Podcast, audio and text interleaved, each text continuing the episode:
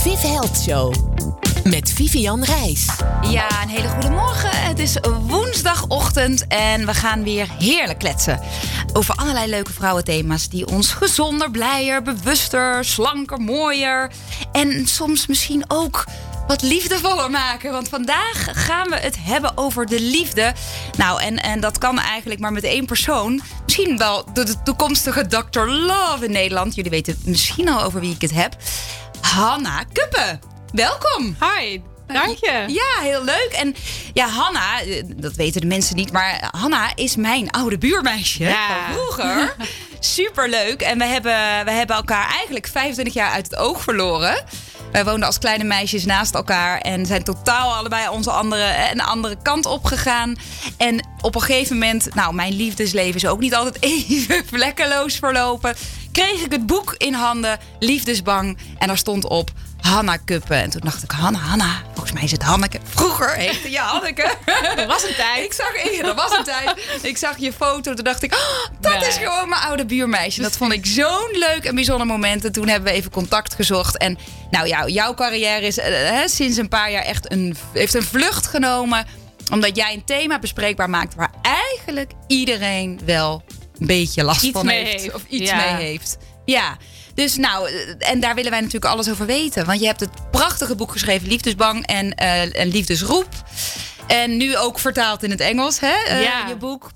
Maar vertel heel eventjes, wat maakt het dat je dacht, dit boek moet ik schrijven? Nou, ten eerste superleuk dat je weer op mijn pad bent gekomen. Ja, dat vind ik echt zo leuk. Bijzonder is ja, dat, Ja, vind ik echt heel erg leuk.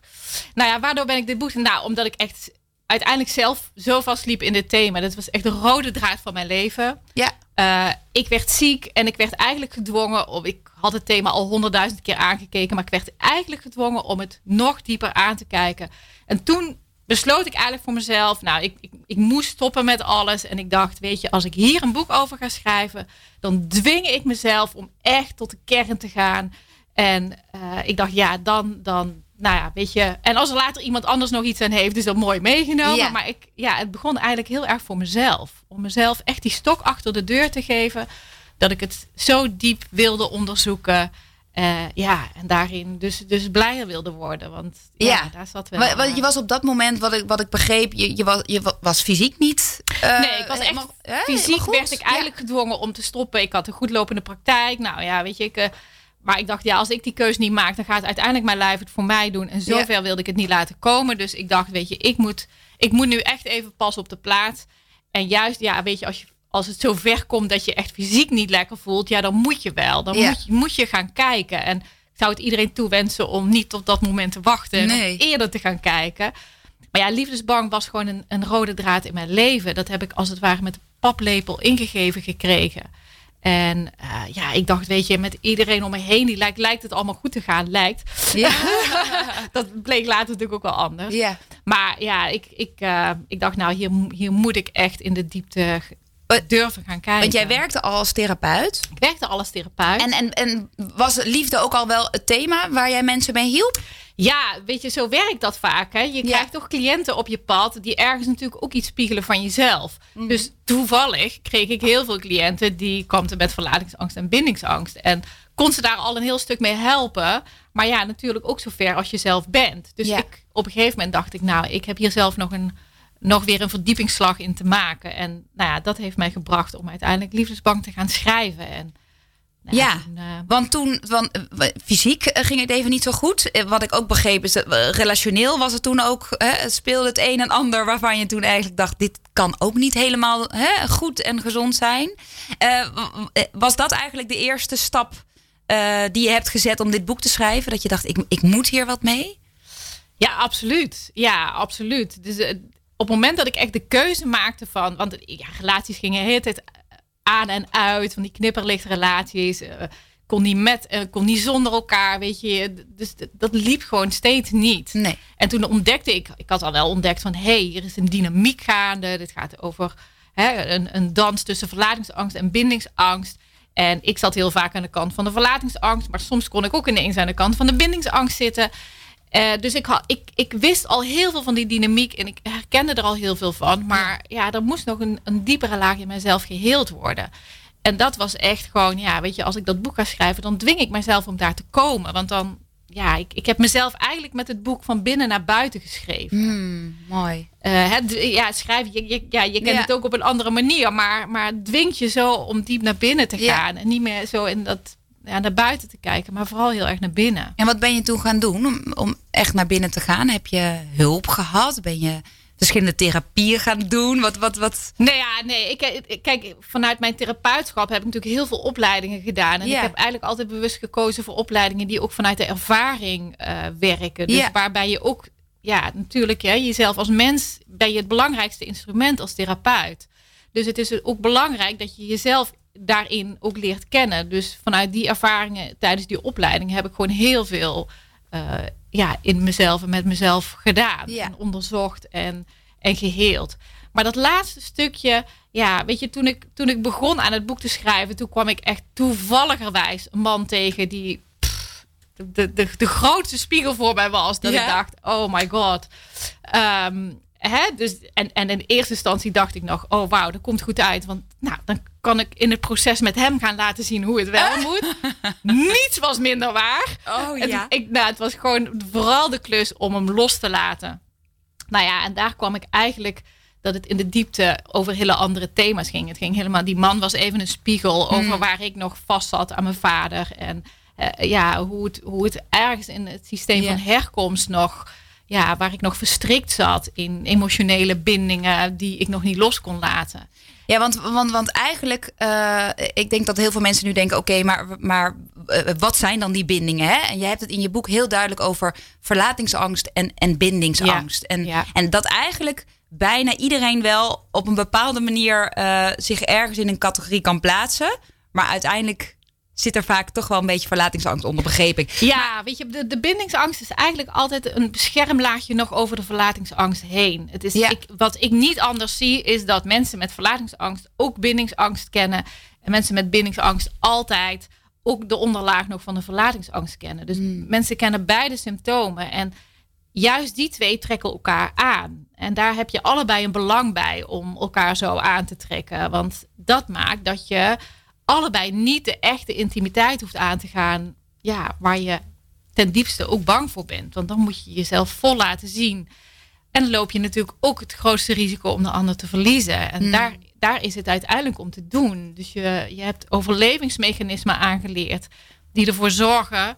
Hè, waar, waarmee je de illusie hebt dat je de ander niet meer verliest. Maar juist die zorgen ervoor dat je dat steeds opnieuw waarmaakt. Dus het is heel en, en dat, dat is eigenlijk de reden waarom heel veel mensen misschien dan elke keer weer op eenzelfde partner vallen in een ander jasje, zeg maar. Precies. Ja, als je het patroon niet verandert. Dus bedoel, je kan de persoon veranderen qua partner. Maar als je mhm. het patroon niet verandert, ja, dan, ja, dan trek je iedere keer het, een, eenzelfde soort partner aan, maar dan in een andere vorm, een ander kleurtje en een ander jasje. Ja. Ja. ja.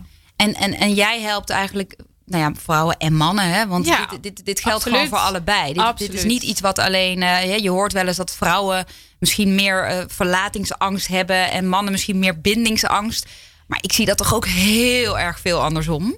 Het is ook heel veel andersom. Ja. Het is, het is wel, want die vraag krijg ik heel vaak. Van, ja. hè, kan je dat zo zeggen? Nee, dat is te kort door de bocht om dat te zeggen. Het gaat veel meer over de vrouwelijke energie die neigt naar de, die, die, is meer verbonden met de verlatingsangst. En de mannelijke energie is meer verbonden met de bindingsangst. Hmm. En we hebben allemaal mannelijke en vrouwelijke energie in ons. Ja. dus er zijn vrouwen die ook mannelijke energie in zichzelf hebben. En als dat wat meer aanwezig is, dan zullen die eerder de neiging hebben om meer vertrouwd te zijn met de bindingskant. Ja.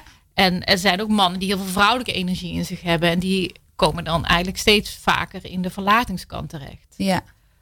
Ja, en ik, ik wil zo nog heel veel, eh, echt eventjes in het volgende blokje even praten. Ook hoe ziet dan iemand met verlatingsangst eruit? Wat, wat doet iemand met verlatingsangst? En hoe ziet iemand met bindingsangst eruit? Ja. Want bedoel, liefde is een hot topic. Uh, altijd al geweest. Maar, maar ik denk nu, zeker door het afgelopen jaar eh, met, met corona en, en mensen bij elkaar op elkaars lip. Ik, ik kan me voorstellen dat jij het drukker hebt dan ooit. En dat jouw boeken misschien nog wel meer verkocht zijn dit jaar dan daarvoor. Ehm, het leeft zo erg. Het leeft absoluut heel erg. Ja, mijn boek is in 2014 uitgekomen. En weet je, het, het, het, het is ongelooflijk hoe het doorgegeven wordt. Iedereen kent wel een aantal mensen in zo'n omgeving ja. waarvan die denkt: oh my god, die moet het ook hebben. Ja. Uh, het, is, het, is, het leeft ontzettend. Het is echt een thema waar heel veel ja, mensen tegenaan lopen nu. Nou, en ik, wat ik, ik bedoel, ik heb, ik heb al jouw boeken gelezen. Het, het, het is gewoon een hele fijne houvast van iets wat je eigenlijk al weet van binnen, maar je niet heel goed onder woorden kan brengen. En jij doet dat zo mooi, waardoor ook iedereen wel iets daarin uh, hè, zichzelf of een ander herkent. Ja, dat was ook wat ik heel graag wilde met het boek. Ik wilde het heel graag toegankelijk maken voor iedereen. Ja. Ik bedoel, ik, ik had natuurlijk zelf uh, hè, ook vanuit mijn, mijn therapeutische opleidingen, weet je, dan krijg je wel op die manier die kennis. Maar die, dat is kennis die, die mensen gewoon niet makkelijk lezen. Dus ik wilde het gewoon dat het zo makkelijk leesbaar en toegankelijk zou zijn. Omdat ik dacht, ik zie zoveel mensen worstelen. Ja, dit moet gemeen goed worden. Dit, dit moet, ja, daar moet geen het, drempel meer op zijn. Dat gaat het ook worden. We gaan zo nog even lekker verder kletsen, want ik wil er nog veel meer over weten. Het nieuwe lifestyle radiostation voor iedereen. Good Life Radio. Ik zei het net al. Ik, ik vind het heel belangrijk dat mensen weten wat is nou bindingsangst en wat is nou verlatingsangst. En, en, en, en waar komt het eigenlijk door? Waar, waardoor ontstaat het? Nou ja, waar het ontstaat is echt in de allereerste levensjaren. Uh, en dan heb je het eigenlijk al van wat er voor de geboorte is geweest. En, en, en eigenlijk in de zwangerschap tijdens de hmm. geboorte kan gebeuren. En echt in die allereerste levensjaren, ja, waar de hechting tot stand komt. En daar wordt echt de basis gelegd voor deze dynamiek van verlatingsangst en bindingsangst. Hmm. En dat wordt later in partneren. En weet je, dan, daar kun je mee opgroeien, terwijl je eigenlijk niet in de gaten hebt hè, wat er, wat er. Hè, het is natuurlijk een hele gradatie uh, van mensen die, ja, hoe problematisch het is. Maar later, als je natuurlijk je gaat verbinden met partners, dan komt het er heel erg op aan hoe jij hebt leren hechten. Hmm. Ja, en de manier waarop jij hebt leren hechten bepaalt hoe jij intimiteit kan aangaan en ja, hoe jij jezelf kan openen en of dat veilig voor je is of niet. Dus daar ligt echt de, de basis van, uh, van deze dynamiek. En ja, dat kan verschillende oorzaken hebben van mensen die in de couveuse terechtgekomen zijn. Of wat ik vaak hoor is mensen die met de navelstreng om de nek uh, hè, dat dat uh, in de weg heeft gezeten. Mm -hmm. um, maar dat kan ook zijn dat, dat ouders trauma's met zich meedragen, waardoor ze niet emotioneel beschikbaar zijn. Dus er zijn ja, vroege ziekenhuisopnames bijvoorbeeld. Er zijn vele redenen waardoor dat kan ontstaan. Daar, daar ontstaat dus eigenlijk al. Hè, kun je eigenlijk al heb je een blauwdruk wat je misschien Absoluut. de rest van je leven tegen gaat komen. Absoluut. En natuurlijk kan het zijn als je later in je leven, bijvoorbeeld als je ouders gaat scheiden, of er zijn andere belangrijke events die in je leven gebeuren, die, die dit triggeren. Maar die zijn vaak niet de oorzaak. Die echte oorzaak ligt hmm. vaak al, al in de eerste levensjaren. Maar heel vaak weet je dat niet. Nee, voor sommige mensen is dat heel duidelijk van wat daar, wat daar als er echt belangrijke of duidelijke events zijn geweest, maar niet voor iedereen. Dus soms is dat echt voor mensen uh, soms denk je ook van, ik, daar moet een heel groot trauma aan ten grondslag, ten grondslag liggen. Maar dat is niet altijd uh, ja, zo duidelijk. En, en zie jij dan ook dat bijvoorbeeld mensen die in een heel gezond, uh, steady gezin zijn opgegroeid, dat die vaak ook betere relaties hebben zelf op latere leeftijd? Ja, zeker. Ja, ja, ja. ja, ja als je toch wat je kent. Ja, mensen zoeken, ja, wat je, je zoekt wat je vertrouwd is. En, en wat je kent, dat is natuurlijk wel. En als het, als het voor jou vanaf jonge kind af aan veilig is geweest om je vol te laten zien, dat al je emoties er konden zijn, dat, ja, dat je echt je gedragen voelde, gesteund voelde, geliefd voelde, ehm, dat je echt gezien werd, gehoord werd ja, dat, dan, dan heb je een andere basis meegekregen dan dat je op je hoede moest zijn. Of dat je bang was dat er uh, ineens ruzie zou komen. Of dat je heel, heel veel alertheid had. Of, hmm. nou ja, of zelfs problematischer natuurlijk. Er zijn voorbeelden van te bedenken die, uh, ja, die een hele andere basis meegeven. Waardoor je niet makkelijk uh, je openstelt voor anderen. En dan kom je bij het stukje of je kiest voor het verlatingsangststukje of bindingsangst? Of hoe, hoe kan ik dat zien? Ja, dat is niet een, een bewuste keuze. Dat is echt een imprint die je meekrijgt. Um, en van daaruit ga je natuurlijk jezelf beschermen. Maar later herken je dat in de vorm van, hè, als je echt last hebt van verlatingsangst, dan zul je heel erg op de ander gericht zijn. Je vindt het moeilijk om alleen te zijn. Ehm, je hecht je heel snel. Dus je bent eigenlijk helemaal niet zo kieskeurig van... Hey, is die ander wel echt een goede partij voor mij? Is die echt goed voor mij? Maar je, na, na één kus kan je al aan de ander verliezen bijvoorbeeld. Oh, ja, ja. Uh, je, hebt, je, hebt, bent voortdurend alert. Uh, je bent voortdurend uh, aan het kijken... is die ander wel echt beschikbaar voor mij? als die niet snel genoeg op een berichtje reageert... dan denk je, oh, het is helemaal mis... Uh, dus je bent voortdurend in je hoofd bezig met die relatie. Hmm. Je vraagt een betrokkenheid die die ander helemaal niet kan geven, die zo groot is. Dus je legt eigenlijk voortdurend een claim op de ander. En eigenlijk voel je je pas veilig bij, ja, bij die ander en niet bij jezelf. Uh, dus daaraan herken je heel erg de kant van de, van de verlatingsangst.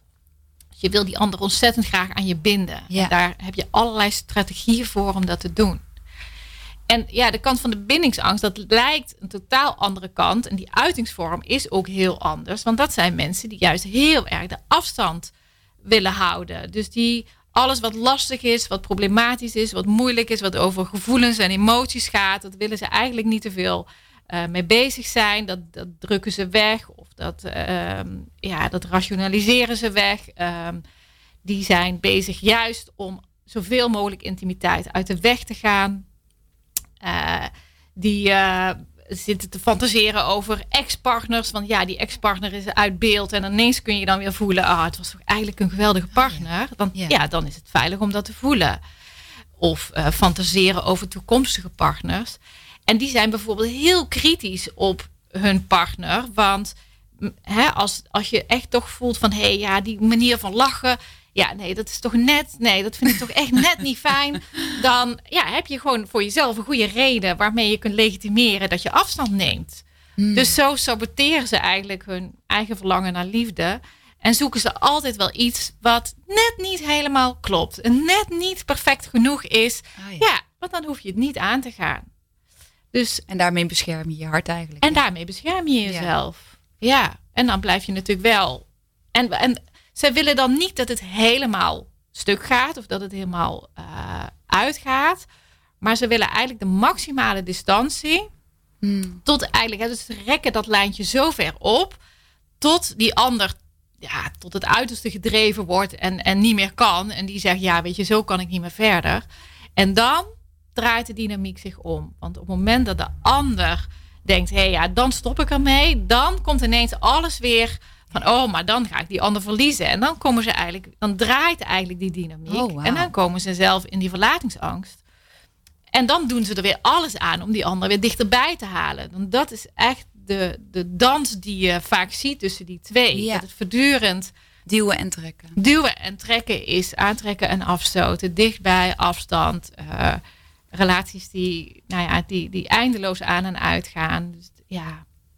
Tja, ik denk dat heel veel mensen denken... Oh, ik herken of mezelf of, of iemand hè, in, in mijn omgeving bij wie je dit gewoon constant ziet gebeuren. Ja, En, en weet je, en het is natuurlijk ook, hè, dat is bij mensen bij wie het niet lukt om die relatie mhm. te behouden of, of überhaupt in een relatie te komen. Maar het is niet alleen voorbehouden aan die mensen. Het, het gebeurt ook in mensen die al twintig jaar in een huwelijk zitten. Maar dan op een hele andere laag. Of veel subtielere laag. Dus die Zonder zorgen dat er meteen heftige consequenties Precies. aan. Precies. dus dat is wat de, wat de buitenwereld dan eigenlijk helemaal niet ziet. Hmm. En dat lijkt allemaal helemaal koek en ei. Maar van binnen uh, zorgen ze er voortdurend voor dat ze elkaar een beetje ontlopen. Of misschien hebben ze gewoon het perfecte gezinnetje en dat managen ze samen helemaal prima. Maar de intimiteit is eruit. Ja, ja. He, dus dat, dat, dat en zit ook dat mechanisme, zit dat dan... Is hetzelfde mechanisme. Wauw, interessant ja. zeg. Ja, dus daar is een hele geleide schaal van. Hè, dat het voor sommige mensen is het zo problematisch dat ze niet eens tot een relatie komen. Uh, want dan hebben ze het al gesaboteerd voordat het zover mm. komt.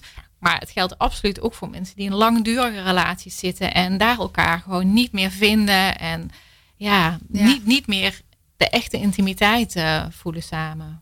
Nou, ik wil straks natuurlijk in het volgende blokje even weten van jou, wat, wat kunnen we dan doen? Als we deze dynamiek hè, herkennen en, en, en, denken, oh ja, ik, ik wil hier wel, wel wat mee.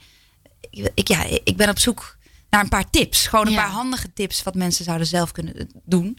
Maar we gaan natuurlijk ook weer luisteren naar heerlijke muziek. En uh, meteen een liedje wat echt, uh, nou ja, jou, jou, een van jouw favorieten op het moment. Natuurlijk heel toepasselijk. Liefde in de lucht van Kraantje Papi. Nou, er hangt absoluut liefde in de lucht. Met Kraantje Papi. Good Life Radio. Good vibes. Good music. Good Life Radio. Ja, er hangt zeker liefde in de lucht. Want Hanne Kuppen is nog hier om ons alles te vertellen over de liefde. En over haar boek Liefdesbang en de dynamiek verlatingsangst, bindingsangst. Nou, we hebben net ja, eh, heel goed uitgelegd gekregen waar, uh, hè, hoe, hoe zich dat typeert. Bindingsangst, verlatingsangst. Nou, tussen het liedje door komen hier de gesprekken op gang. We gaan ze niet allemaal herhalen. Maar dat, dat de basis toch wel echt in je jeugd is ontstaan. Dat is ons allemaal wel, hè, mannen die hier aanwezig zijn. Uh, nou, heeft wel even de ogen geopend. Um, ja, eh, als mensen nu denken, ja, ik, ik, ik, ik kan er mijn vinger niet helemaal op leggen, maar ik herken me wel in ergens in de dynamiek. Wat, wat is een eerste stap wat je zou kunnen doen? Ja, een, een allereerste stap begint toch eigenlijk wel bij bewustwording. Dat is eigenlijk ook het mooie wat er dan net zo tijdens het liedje ontstaat. Ja. Dat je, weet je, als je alleen maar naar de oppervlakte kijkt, dan denk je, jeetje, wat doe ik fout? Het lukt weer niet. Ik, eh, het mislukt weer. Uh, Weet je, dan, dan zijn we er ook zo goed in om onszelf daarin te veroordelen en hard te zijn naar onszelf. Terwijl als je kijkt, bewust wordt naar van hé, hey, wat ligt er nou aan de grondslag, mm. wat, wat net zo mooi gebeurde, dan ga je ook op een hele andere laag naar jezelf kijken. En dan kan je ook met veel meer compassie naar jezelf kijken. Dat is niet iets wat je, waar je voor kiest om dat te doen. Want het is eigenlijk ja, het laatste wat je wil. Want je mm. saboteert eigenlijk voortdurend wat je het allerliefste wil in je leven. Namelijk de liefde. De liefde. Ja. Ehm, dus het begint met bewustwording. En dat is eigenlijk ook de reden waarom ik het boek ben gaan schrijven. Want ik, ik, ik had natuurlijk mijn praktijk en ik was in iedere sessie was ik weer hoorde ik mezelf weer steeds de dingen uitleggen. En ik dacht, ja, maar als ik het in een boek opschrijf, dan hoef ik dat niet meer te doen. En dan kunnen we meteen door naar, de volgende stap. Ehm, want dan, dan kunnen mensen dat gewoon zelf lezen. Dus het, het, die eerste bewustwording, nou, dat, dat willen we vaak graag. Dan kunnen we het plaatsen, dan kunnen we het Mhm. Nou, dan kunnen we de achtergronden meer, meer uh, ja, weten. Maar goed, alleen bewustwording, daarmee helen we deze dynamiek niet. Want dit is niet mentaal op te lossen. Dus ook al, weet je, uh, er zijn mensen die mijn boek al acht keer gelezen hebben. En, die kan ik s'nachts vragen, wat staat er op die bladzijde? En ze kunnen het zo zeggen. Maar dat is natuurlijk ook een illusie van onze mind om te denken, als ik het maar heel goed snap, dan mm. verandert het wel. Dus daar zit het hem niet. Het zit hem echt in het hele vanuit de ervaring. Dus die, die enorme beschermingsmechanismen, die liggen echt opgeslagen in ons lijf. En ehm, ja, daar moeten we eigenlijk naartoe. Dus onder die, die symptomen van verlatingsangst en bindingsangst, want het is slechts een symptoomlaagje. Mm. Daaronder zitten de gevoelens die we vroeger destijds niet konden toelaten, omdat ze te overweldigend waren. Hmm. Als we dat destijds hadden gedaan, hadden we, hadden we het niet gered. Ehm, dus we konden niet anders dan daar een beschermlaagje overheen doen om gewoon volwassen te worden en ja, eh, op te groeien. Maar nu moeten we eigenlijk dat weer ophalen. Dus we zijn eigenlijk bang geworden voor onszelf, namelijk voor de diepte in onszelf, hmm. voor de oude kindpijn die daar nog opgeslagen ligt. Ja, en wij als mensen willen van nature niet graag naar pijn. Nee. dat, is, dat voelt zo tegenstrijdig om daar naartoe te gaan. Maar goed, als we daarvan weg blijven gaan, gaan we weg van onszelf. Ja, en een partner spiegelt ons natuurlijk steeds uh, met onszelf. Dus we zijn eigenlijk niet zozeer van die ander aan het weglopen, maar ten diepste van onszelf. En daar kun je stapjes in gaan zetten om het voor jezelf veilig te maken dat je daarin echt jezelf weer kan ophalen in die diepte. Dus dat je leert stil te staan. dat je niet voortdurend maar altijd in de afleiding gaat op een dag. Maar dat je bijvoorbeeld dus begint met 10 minuutjes. Dus even helemaal stil te zitten en bij jezelf te zijn. En te gaan voelen, contact met je lijf te gaan maken. Want in het contact met het lijf, ja, ons lijf is ons instrument om te kunnen voelen. Dus we moeten daar de verbinding mee maken. Willen we, wil, wil ja, die, hmm. die toegangspoort zich weer openen, als het ware. Ja. En alles is daar aanwezig. Maar dat vraagt een grote bereidheid uh, om, om echt die oude, oude gevoelens weer te gaan toelaten. En ik kan me ook voorstellen, ik persoonlijk uh, herken me een beetje in het, in het bindingsangststukje wat je net schetste. Mhm. Ik kan me wel voorstellen dat het elk, de, bindingsangst een andere uh, toenadering zoekte eigenlijk dan, dan uh, verlatingsangst. In die zin, of een, of een, of een, een benadering bedoel ik eigenlijk. Mhm. Omdat je, misschien is het voor mensen met bindingsangst gewoon ontzettend moeilijk om erin te geloven en in ergens voor te kiezen. Ik weet het niet of dat, of dat daarbij past. En dat, dat, dat je uh, ook met het samen zijn met iemand niet per se je, jezelf daarin hoeft te verliezen of je vrijheid hoeft te verliezen. Ik, ik weet niet of ik dat zo goed omschrijf, maar zo voelt het wel voor mij een beetje. Dat veel mensen met bindingsangst het gevoel hebben. Uh, ik wil mezelf niet helemaal verliezen. En daardoor ook constant toch het stukje weer naar zichzelf toetrekken. Ja, absoluut. Dat geldt inderdaad voor mensen met bindingsangst. Die zijn heel erg bang om zichzelf te verliezen. Terwijl mensen met verlatingsangst, die zijn heel erg bang om de ander te verliezen. Ah ja, ja. Um, maar het jezelf verliezen betekent dus dat jij te veel met de ander versmelt. Uh, en dat je ergens jezelf opgeeft. Hm. Dus dat je leert van, oh, hoe kan ik mezelf begrenzen? En hoe kan ik mezelf met de ander begrenzen? Zodat ik mijn eigen ruimte kan houden. En, en, en uh, zelf kan voelen wat ik voel. En mijn eigen keuze. Dus ergens ja, een diepere autonomie. Mm En het lijkt alsof mensen met bindingsangst heel autonoom zijn. Mhm. Maar dat is vaak een onafhankelijkheid die niet een echte autonomie is, maar een schijnautonomie. Want mensen met bindingsangst die zeggen eigenlijk van ja, weet je, ik heb niemand nodig, ik kan het wel alleen. En, maar dat is vanuit een beschermhouding. Mhm. Maar de echte autonomie, daarmee zeg je eigenlijk, oh, ik, ik open mijn hart, ik wil me verbinden met anderen. Ehm, maar ik kan ook mijn grenzen stellen. Ja. En dan wordt het veilig om je te vinden. Want als jij je niet je grenzen kan stellen, als jij je niet kan afgrenzen zonder te vloeien met de ander, ja, dan is het ook niet veilig om, je, om te relateren. Hm. Dus ja, dat is echt absoluut een, een, uh, ja, een uitdaging voor mensen met bindingsangst om dat te leren. Dat het echt veilig is bij jezelf, zonder hè, dat je dan niet jezelf hoeft te verliezen als je je verbindt. En mensen met verlatingsangst. Want ik denk dat je altijd al in allebei ook. Uh, de, de, onder de dynamiek bindingsangst zit natuurlijk vaak verlatingsangst. Dat schrijf je in je boek ook. Dat voel je ook. Maar ik denk dat iedereen zich ook wel op een, op een bepaalde manier allebei een beetje herkent. Absoluut. Uh, maar mensen met verlatingsangst, hoe, hoe, want die, die verliezen zich namelijk, wat je zegt, veel soms te snel in iemand. Ja. Wat zou je die mensen aanraden? Nou ja, je kan een beetje. Kijk, de, de, de mensen met verlatingsangst, die Ehm, ja, die zijn dus zo op de ander gericht en die voelen dus ook niet de veiligheid in zichzelf. Dat, dat is eigenlijk voor beide hetzelfde, maar dat uit zich op een andere manier. Dus waar mensen met verlatingsangst, die openen zich heel makkelijk. Die stellen heel makkelijk hun hart open. Die leggen hun ziel en zaligheid bij de ander neer. En die mogen juist veel meer leren om hun krachtkant neer te zetten. Hè, waarin hun eigen waarde zit. Waarin hun, ook hun vermogen tot gezonde grenzen. Van hé, hey, zo ga je niet met me om. Hè? Dus, dus dat je jezelf niet ja, uit, uitlevert aan de ander, als het ware.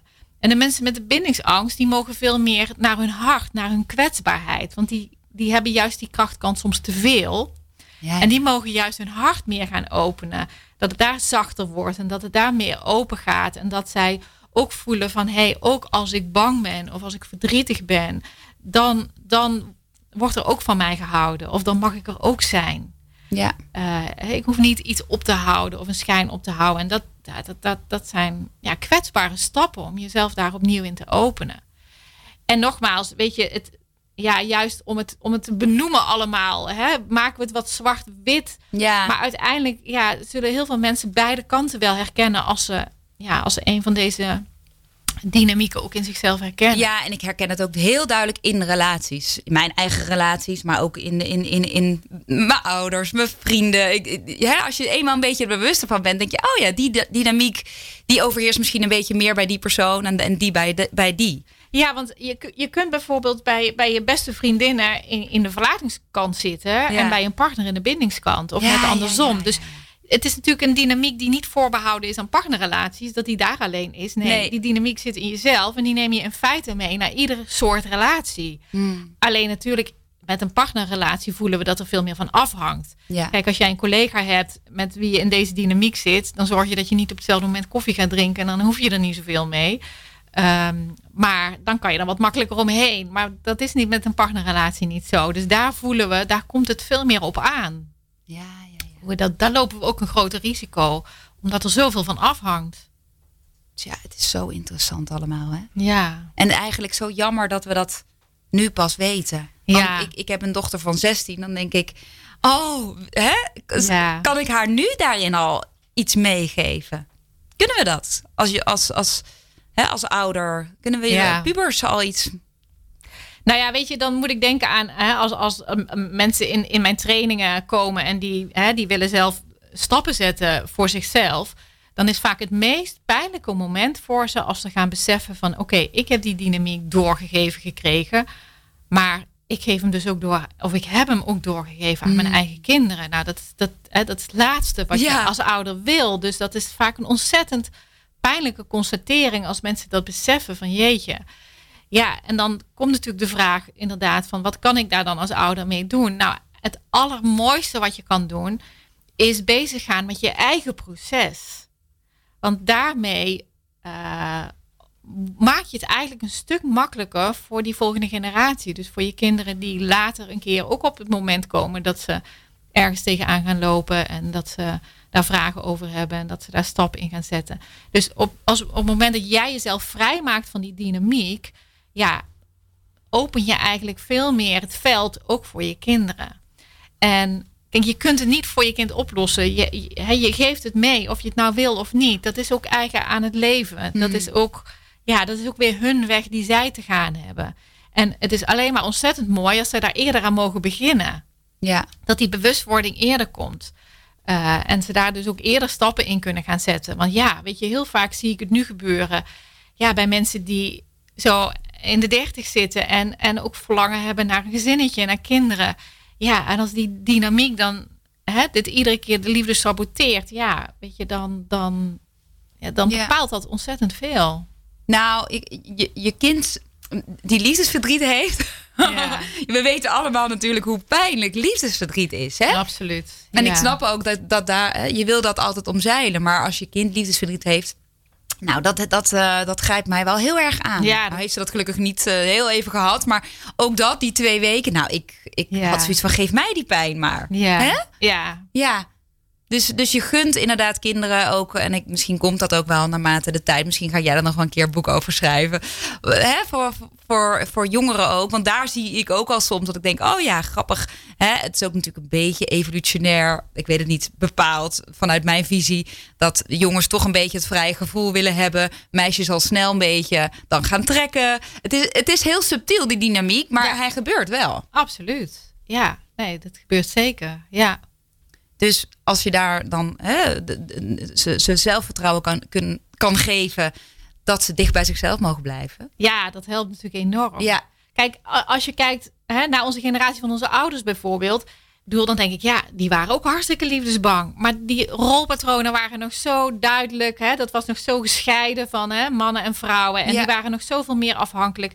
Die hadden eigenlijk ook niet de tijd en de luxe om zich daarmee bezig te houden. En wij, onze generatie nu, heeft dat wel. En hoe mooi is het als wij ook weer het pad kunnen banen voor de volgende generatie. Dat het nog eerder kan. Ja, dat, dan zie je dat er echt vooruitgang zit. En dat het. Ja, prachtig. Ja.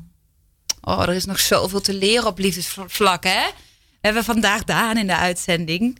En uh, nou, die draait aan de knoppen vandaag. Normaal is het Ron. Ron zit er wel bij. maar Ron heeft geen microfoon, dus je kan niks zeggen. Maar uh, jij bent vrij jong. Hoe kijk jij hiernaar, naar deze informatie? Nou ja, ik vind het wel heel interessant. En het begint bij mij eigenlijk al bij het probleem om uh, überhaupt de stap te zetten naar een dame. Dat is voor mij eigenlijk al, dat is voor mij al het, eerste, het eerste probleem. Dus ik heb ook nog nooit in een relatie gezeten. Hmm. Uh, ik heb nog de, de bindingsangst of verlatingsangst. Het is voor mij nog iets wat ik ja, misschien dan een soort bindingsangst, omdat je, ja, ik, ik durf er toch niet zo makkelijk op af te stappen. Om dan, nou ja, veel te bang om afgewezen te worden en, en dat soort dingen. Dus dat is bij mij, denk ik, het grootste probleem. Ja, ja. Nou ja, weet je, en ik vind het zo moeilijk dat je dat zegt. Want, want daar zit nog ergens ook zo'n taboe op dat we dit niet zo vol durven benoemen. We zijn naar elkaar vaak zo bezig van, nou ja, de, onze, onze mooie kanten en onze goede kanten laten zien. Maar ik weet gewoon ook gewoon hoeveel hè, jonge mannen net als jij ja, dit hetzelfde ervaren, maar, maar het zo weinig uitspreken. Dus dat, is, dat vind ik zo mooi dat je dat doet. Ja, vind ik ook. Ja, ja. Nou ja goed. Uh. Ja, en ik, her, ja, ik herken het natuurlijk bij de, mijn puber en, en al haar vrienden, vrienden en vriendinnen. En dan zie je inderdaad dat jongens toch ze willen allemaal wel, maar ze willen ook. Uh, ze durven het ook wel weer niet. Vinden het spannend. En die meisjes die denken: Oh, ik ben er wel klaar voor. Want die lopen natuurlijk toch al een beetje voor op, uh, op sommige vlakken. En dat is heel leuk om te zien. Ja. Ja, en ik ben ook, eh, als ik dan over mijn eigen dochter heb, heel trots dat, dat, dat je op zo'n jonge leeftijd dat ook al uh, heel bewust uh, eigenlijk ja, benadert. Ze, ze gaan er heel goed mee om. Terwijl in, in mijn tijd, een beetje onze tijd, nou ja, was het eigenlijk niet zo cool om een, al heel jong een relatie te hebben. En nu is het echt heel hip hoor, om heel jong al een relatie te hebben met 16, 17. Oh wauw. Ja, vind ik echt leuk. Ja. Ja. ja, mooi als je dat zo van dichtbij mag zien. Ja, hè? Ik, vind dat, ik vind dat heel bijzonder. Ja, ja. Nou, we gaan, uh, we gaan zo natuurlijk weer even een praatje, praatje draaien. Maar we gaan ook weer verder kletsen zo met Hanna Kuppen. We gaan luisteren naar uh, Blijf slapen. Ik slaap hier vast nog vaker. Ja, Snelle en Maan. Blijven slapen. We houden het in het thema van de liefde hè, vandaag. Nee, we, we zitten hier. Het, is, het, het, blijft een interessant thema. Dus elke keer als er een liedje aangaat, dan komen de persoonlijke verhalen pas echt. Nee hoor, het is super gezellig. Maar inderdaad, je hebt, uh, twee, je hebt twee versies van je boeken. Je hebt het roze boek. Ja. En, maar je hebt er ook een blauwe variant van gemaakt. We hebben er ook een blauwe bij. Vertel. Nou ja, dat was ons eigenlijk wel heel grappig. Dat, uh, nou, dat ik heel veel, vooral ja, veel vrouwen ook in de training krijgen. Absoluut ook mannen in de training. En dat is super fijn dat ook de mannen komen. Um, maar ik hoorde van heel veel vrouwen eigenlijk het verhaal van... God Hanna, ik wil zo graag jouw boek delen met een partner. Of zelfs met ex-partners. Maar ik kan echt niet met een roze boek aankomen zetten. Nee. Nou ja, en ik zei dat eigenlijk als een soort grapje tegen, tegen mijn uitgever. En ze zei, nou weet je, daar, daar gaan we een oplossing voor bedenken. Nou, en zo is het blauwe boek in het leven geroepen. Dus geen excuus meer over je roze, uh, of je roze boek uh, wil, ja. wil krijgen of geven. Of... Dus, dus, er is keuze. Er is keuze. Dus ze zijn identiek qua inhoud, ja. maar de kleur is, uh, is, anders. Is anders. En merk je wel dat, dat, dat ook steeds meer mannen nou ja, of, of, hè, het gaan lezen of dat je berichtjes krijgt van mannen die Absoluut. zeggen: Oh joh, het heeft mijn relatie echt. Ja. Want ik denk als je dit, dit, deze dynamiek echt snapt dat je relatie daar ontzettend van op kan knappen. Absoluut, ja. Nee, ik, ik, ik, ik komen echt heel veel mannen ook naar de training. Ik merk dat heel veel mannen ook het boek lezen. Deze week weer een paar telefoontjes van mannen die zeggen: Oh, nou, yeah. wat kan ik doen? Wat is mijn volgende stap? Uh, ze willen echt, ze willen ook heel graag. En dat is ook voor de vrouwen ontzettend fijn om te merken dat mannen ook die stap gaan zetten. Yeah. Want hè, zoals het vooral algemeen ook met persoonlijke ontwikkeling vaak is, dat de vrouwen wel in de meerderheid voorgaan en de mannen hè, in de minderheid ook wel meedoen. Maar dat begint echt te veranderen. Dus, dus ja, mannen lijden eigenlijk evenveel onder dit thema dan Ja, vrouwen. Dat ja. is echt niet anders. Nee, Dus, want ja. uiteindelijk is, is toch, ja, bedoel, dating, datingsapps zijn, zijn hotter dan hot. Mensen zijn echt op zoek naar liefde. Ja, absoluut. En dat heeft niks te maken met of, of, dat, of een vrouw dat nou meer is dan een man. Nee, Dat is, dat is gelijk. dat is absoluut. Ja, dat is gelijk. Ja, dus, dus ja, ik zie nu echt in de trainingen bijvoorbeeld dat er echt, nou ja, het is niet helemaal 50-50, maar er komen echt ook heel veel mannen. Nou, dat is zo fijn. En heb jij ook veel stellen zien, zien opknappen in hun relatie, die dynamiek zien veranderen? Ja, Ja, ja. Nou ja, en dat, dat, lijkt me hangt zo natuurlijk. bijzonder als je dat ziet. Ja, Ja. en dat is ook zo. En het is natuurlijk vooral dat, dat daarvoor is wel nodig dat, dat allebei bereid zijn om naar zichzelf te kijken. Ja, En dat is natuurlijk nog wel vaak eh, het meest spannend. Van hey, als, als de ene stap wil zetten en de ander is daar niet klaar voor. Ja, dan, nou, dan, ga je, dan kun je die stappen gaan zetten. Maar dan, ja, dan, dan moet je, ik zeg dan ook altijd van ja, dan moet je ook durven om het resultaat open te laten. Want er zijn ook heel veel mensen die zeggen, ja, ik wil, ik wil wel die ontwikkeling gaan doen en ik wil wel naar mezelf gaan kijken, maar ik wil die ander niet verliezen. Maar dat, ja, dat gaat niet. Want dan ben je eigenlijk al jezelf aan het saboteren. Dus je moet echt bereid zijn. Er is maar één iemand nodig om deze dynamiek te doorbreken. Dat ben je zelf.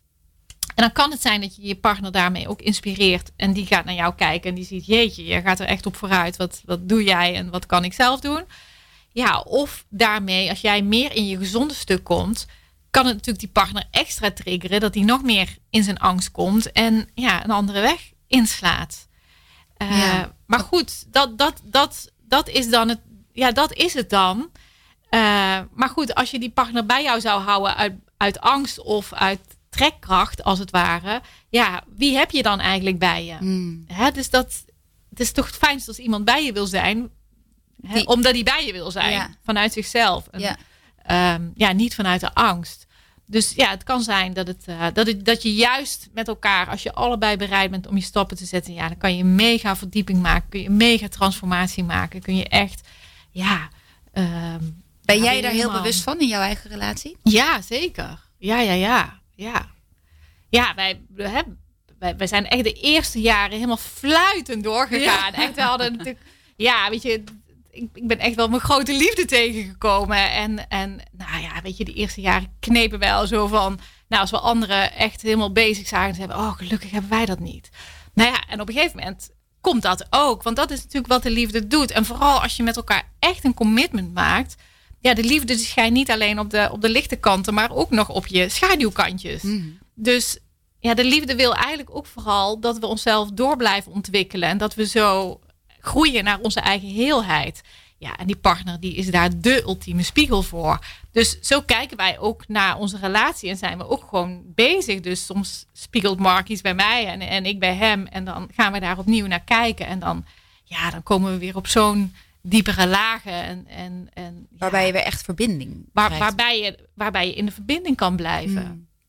Ja, ik denk dat, daar, is daar nodig. dat bij veel mensen ook misgaat. Dus hè, ze leven misschien het leven wel met elkaar. En, eh, maar die echte verbinding, die, die, die is er niet altijd. Nee, en dan ben je eigenlijk, ja, dan word je een beetje maatjes of vriendjes. Ja. Maar dan, dan is die intimiteit van partners, die, die, die gaat dan weg. En dat is wel waar ons, ook ons grote verlangen ligt.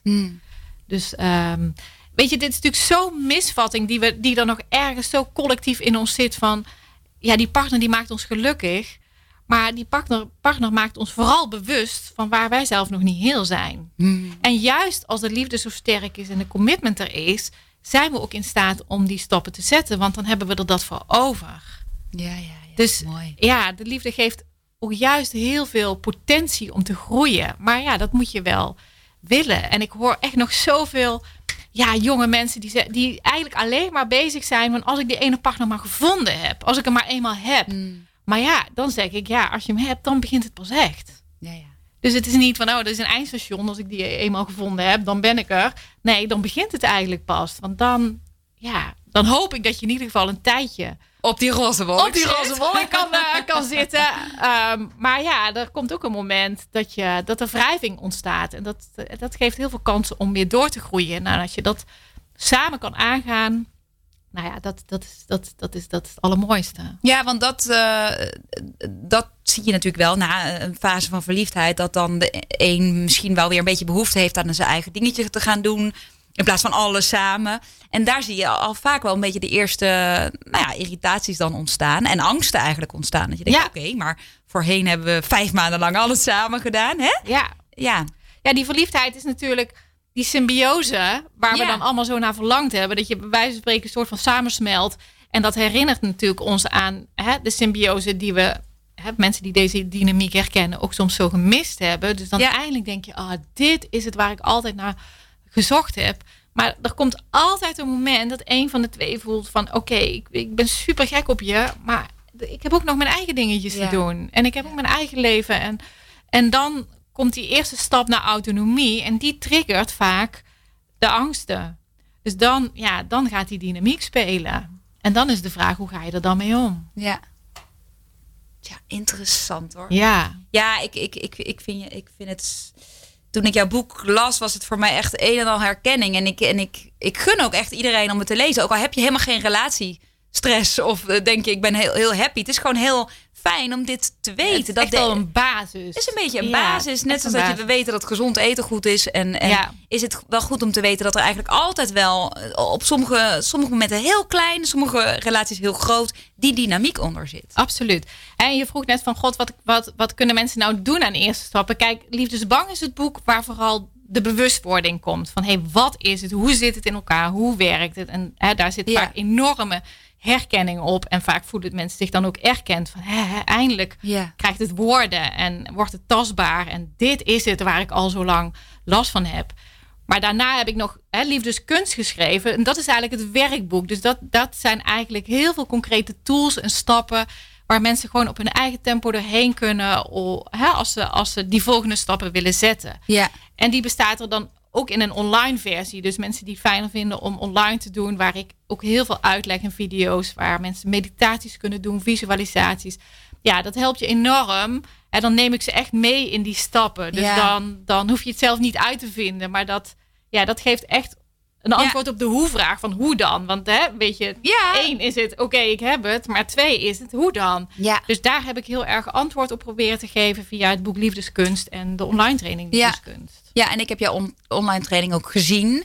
En uh, nou ja, daar zitten ook bepaalde oefeningen in. Hoe je inderdaad eh, we ervaren op bepaalde momenten, maakt niet uit, hoeft niet per se altijd in een relatie, maar op bepaalde momenten echt een diepe pijn die iets triggert uit je verleden. Ja. En daarin heb je ook oefeningen hoe je dan daarmee om moet gaan. Want wat wij eigenlijk van nature doen, is daarvan weglopen en iets op slot zetten en juist hè, nog een, een, groter muurtje om je hart uh, heen trekken. Ja. Um, en, en dat, vind ik, dat vind ik echt heel waardevol. Want daarmee ga je mensen echt even die diepte intrekken. En, en dat het ook veilig is, ja. dat dat gevoel er af en toe mag zijn. Ja. Ja, en dan word je ook een beetje aan de hand meegenomen. Hmm. Dus hè, dan ontstaat er een iets grotere bedding van waaruit ja, je je veilig voelt om, om die stap dan wel te zetten, die je anders in je eentje ook niet zo makkelijk zet. Nee, want iedereen heeft het. Dat is ook heel, ja. dat geeft ook rust. Dat je ergens denkt, oh ja, iedereen heeft wel Hè? En, eh, daar zit bij iedereen wel een wondje. Of je nou een hele fijne jeugd hebt gehad. En bedoel, elke ouder doet natuurlijk met de beste intenties. Absoluut. Hè? Uh, Voedt zijn kinderen met de beste intenties op. Dus, uh, dus, dus het is nooit kwaad wil. Nee. Um, maar ergens zit er natuurlijk altijd een bepaalde trigger. Ja, zeker. Een bepaald wondje. Ja, ja. En die uitzicht dan later weer in een relatie. Ja, interessant allemaal. Dus mensen moeten gewoon jouw boek kopen. Liefdesbang, als ze meer willen weten over de dynamiek in de liefde. Maar ik denk dat als je hè, bekend met eh, problemen in vriendschappen bijvoorbeeld... dat het ook heel goed is om, om, om dit boek te lezen. Zeker, ja. ja, ja. En um, nou, hij is recentelijk uitgebracht in het Engels. Super spannend. Love Phobia. Echt super benieuwd. Want wat is jouw ambitie? Waar zie je jezelf over vijf jaar? Nou. nou. In één minuut. Jij gaf me straks een hint. Ja. Ja, weet je, we steken hoog in. Ja, bij Oprah op de bank natuurlijk. Ja, ik hoop dat je dat zou gaan zeggen. Want daar moet je gewoon met deze supermooie informatie... moet jij daar gewoon zitten. Ja. Nou ja, hoe gaaf zou het zijn, hè? Ja, joh, je helpt hier zoveel mensen mee. Dus uh, nou, ik, ik, ik hoop dat het gaat lukken. Zou leuk zijn. Ja, en, en, en dus uh, je, hebt een, je hebt een Nederlandse bestseller, maar dus een wereldwijde bestseller, begrijp ik. Nou, dat, ja. Nou, weet je, het zou top zijn hoe meer mensen het kan bereiken, hoe, hoe beter. Want wat je wil is dat mensen hier niet meer mee struggelen. Dat mensen gewoon het geluk in de liefde gaan vinden. Dat is toch, ja, dat is, ik weet voor mezelf hoe belangrijk dat is. En dat gun ik iedereen. Dat gun je echt iedereen. Ik ook. Nou, daar gaan we heel mooi mee afsluiten. Dankjewel, Hanna, dat je er was. Super interessant allemaal. Heel leerzaam ook voor de mannen hier in de studio. we gaan nog, denk ik, even lekker doorkletsen met elkaar. Ik wens je super veel succes ook met, uh, met je Engelse boek. Ik hoop echt dat het een wereldwijde bestseller wordt. En wij houden zeker contact. Ja, leuk. Dankjewel. Dankjewel voor het luisteren allemaal. En we zijn er over twee weken weer.